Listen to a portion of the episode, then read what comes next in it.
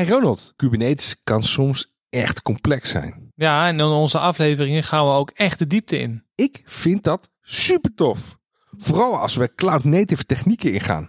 Ja, ik moet je soms ook een beetje afremmen. Hè? Anders kun je snel het gevoel hebben dat je door de bomen het bos niet meer ziet. Maar wist jij dat ze bij ACC ICT een op maat gemaakt traject voor je uitstippelen die past bij je huidige ervaring en skills, zodat jij precies weet waar je mee bezig bent? Oh, dat is echt cool. Dus ben je benieuwd hoe ACC jouw Kubernetes carrière orchestreert? Ga dan naar werkenbij.acccict.com en word een Kubernetes specialist.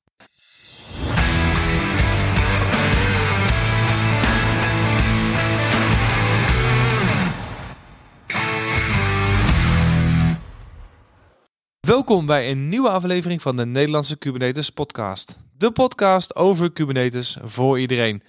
Ik ben Ronald Kers en ik zit zoals altijd met de enige echte Hallo Ronald. Jan Stomphorst. Welkom Jan. Welkom Ronald. Hey, het is wel een hele leuke aflevering weer. We doen deze eigenlijk bij elke nieuwe versie van Kubernetes. Ja, en bij eh, 1.29 mogen we die natuurlijk niet missen. Deze eh, versie is dus 1.29, zoals je net al zei. Deze is genaamd Mandela.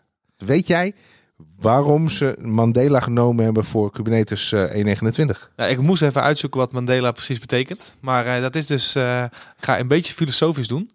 Een, eh, een plan, een kaart, een geometrisch patroon dat zich metafysisch of symbolisch de kosmos uitbeeldt. Kort, dus kortom, het universum. Iedereen eh, die Kubernetes ondersteunt en gebruikt en ontwikkelt zijn eh, het lichtende voorbeeld. Samen maken we een universum van mogelijkheden bij elke nieuwe release namelijk. Hè? Wat- Hoe vind je die? nou, die vind ik echt helemaal geweldig. En het logo is trouwens gemaakt door Mario, Mario Jason Braganza. Dat is een Ik hoop dat ik hele het goed uitspreek. slimme kerel. Die een mooi, ik vind het een mooi logo dit keer. Ja, het ziet er zeker strak uit, ja. Nou, in deze release zitten ontzettend veel security updates. Maar ook updates des- aan betrouwbaarheid kant. En natuurlijk resources en efficiëntie zoals altijd. Maar het zijn echt wel heel veel security updates. Nou, we gaan niet alles bespreken. Want ik heb de mooiste heb ik eruit ge- ge- ja, uitgenomen. Laten we, eens, laten we maar beginnen. Weet je wat er al langer in zit? Het is nu stabiel geworden. Dat zijn de resource metrics endpoint. Ik denk dat heel veel het aan gebruiken, maar geen idee hebben dat ze het gebruiken. Ja, dat klinkt mij ook onbekend, ja. Nou, het is rete simpel. Eh, dit endpoint wordt gebruikt door Prometheus om gegevens van de node op te halen. Ah. Dit geeft dus inzicht over welke resources worden gebruikt. En hierdoor kan je dus beter schalen, beter problemen vinden. Oké. Nou, handig om te weten. Maar hij is dus dat stabiel geworden. Dus dat, Oh. is, dat, dat, dat is fijn. dat is heel fijn, inderdaad, ja. Ja, en soms gaat er ook een potstuk.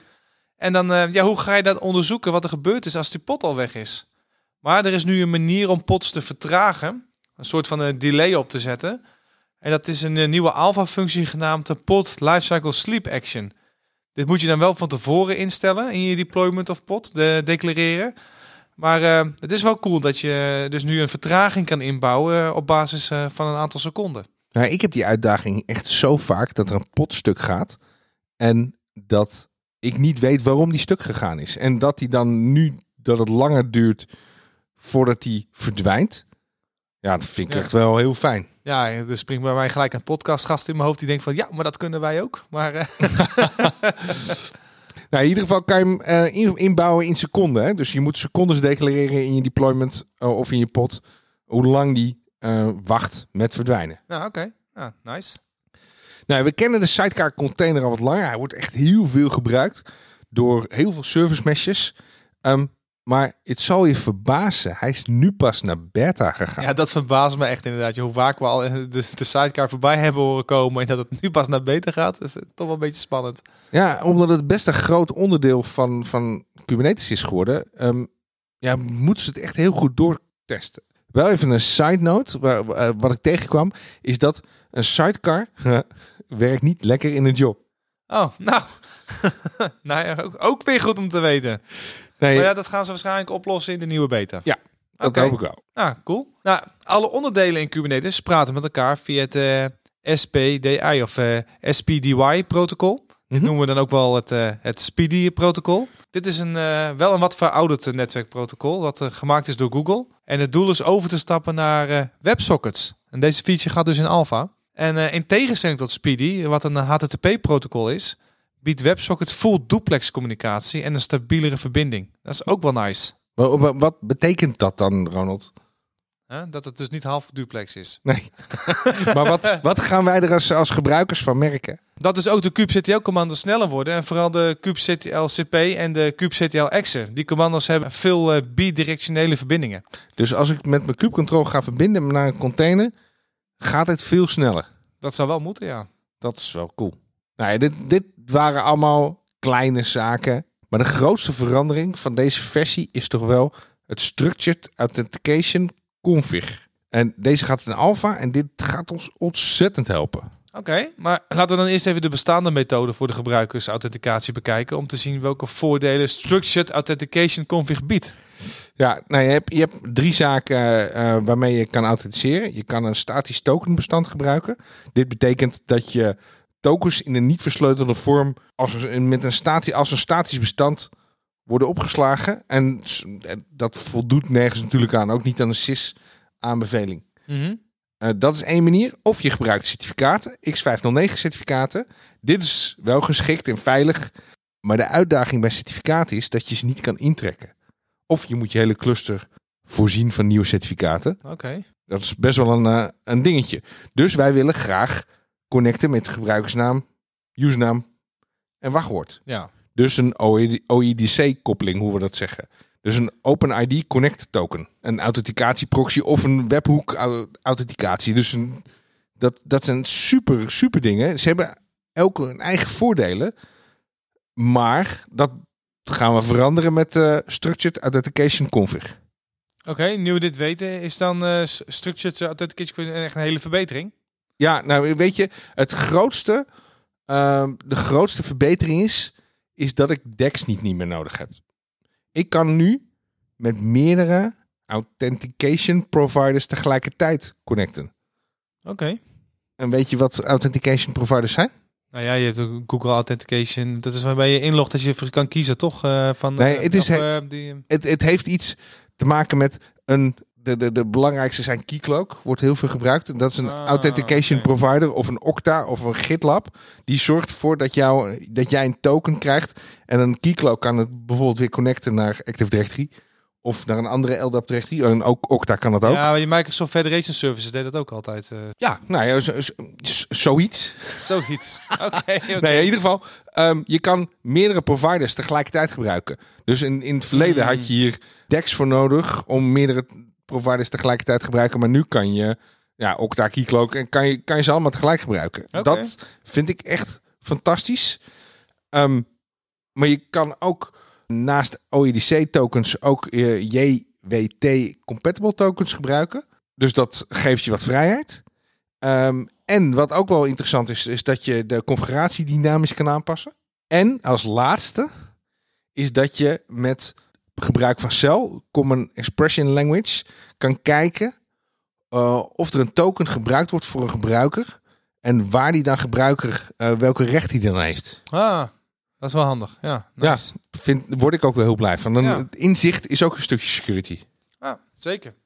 En vanaf 1.29 eh, zijn de, de tokens van Kubernetes aangepast.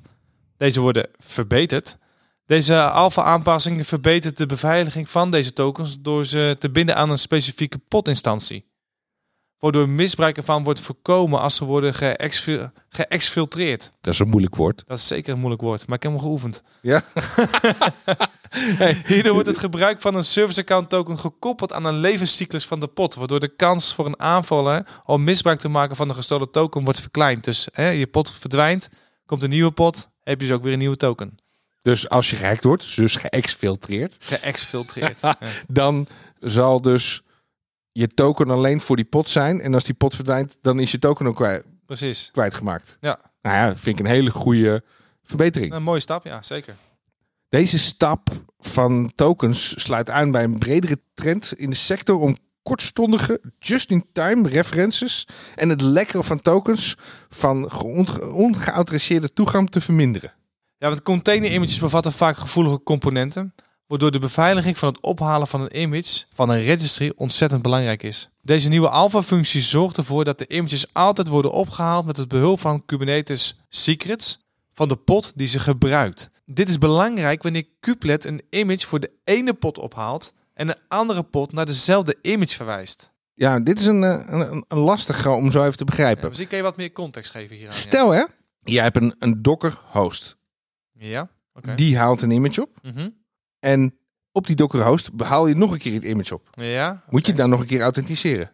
Nee, in principe niet, nee. Nee, want je haalt twee keer het Docker image op Precies. Van dezelfde registry. Ja, En die, die credentials is, zijn gecached. ja. Wat gebeurt er nu in Kubernetes? Stel je hebt een pot met image, zeg image eh, A draaien. Mhm. En toevallig komt er een andere pot van een andere deployment, ook met image A, op diezelfde node terecht. Dan zegt Docker, hey, deze image A heb ik al.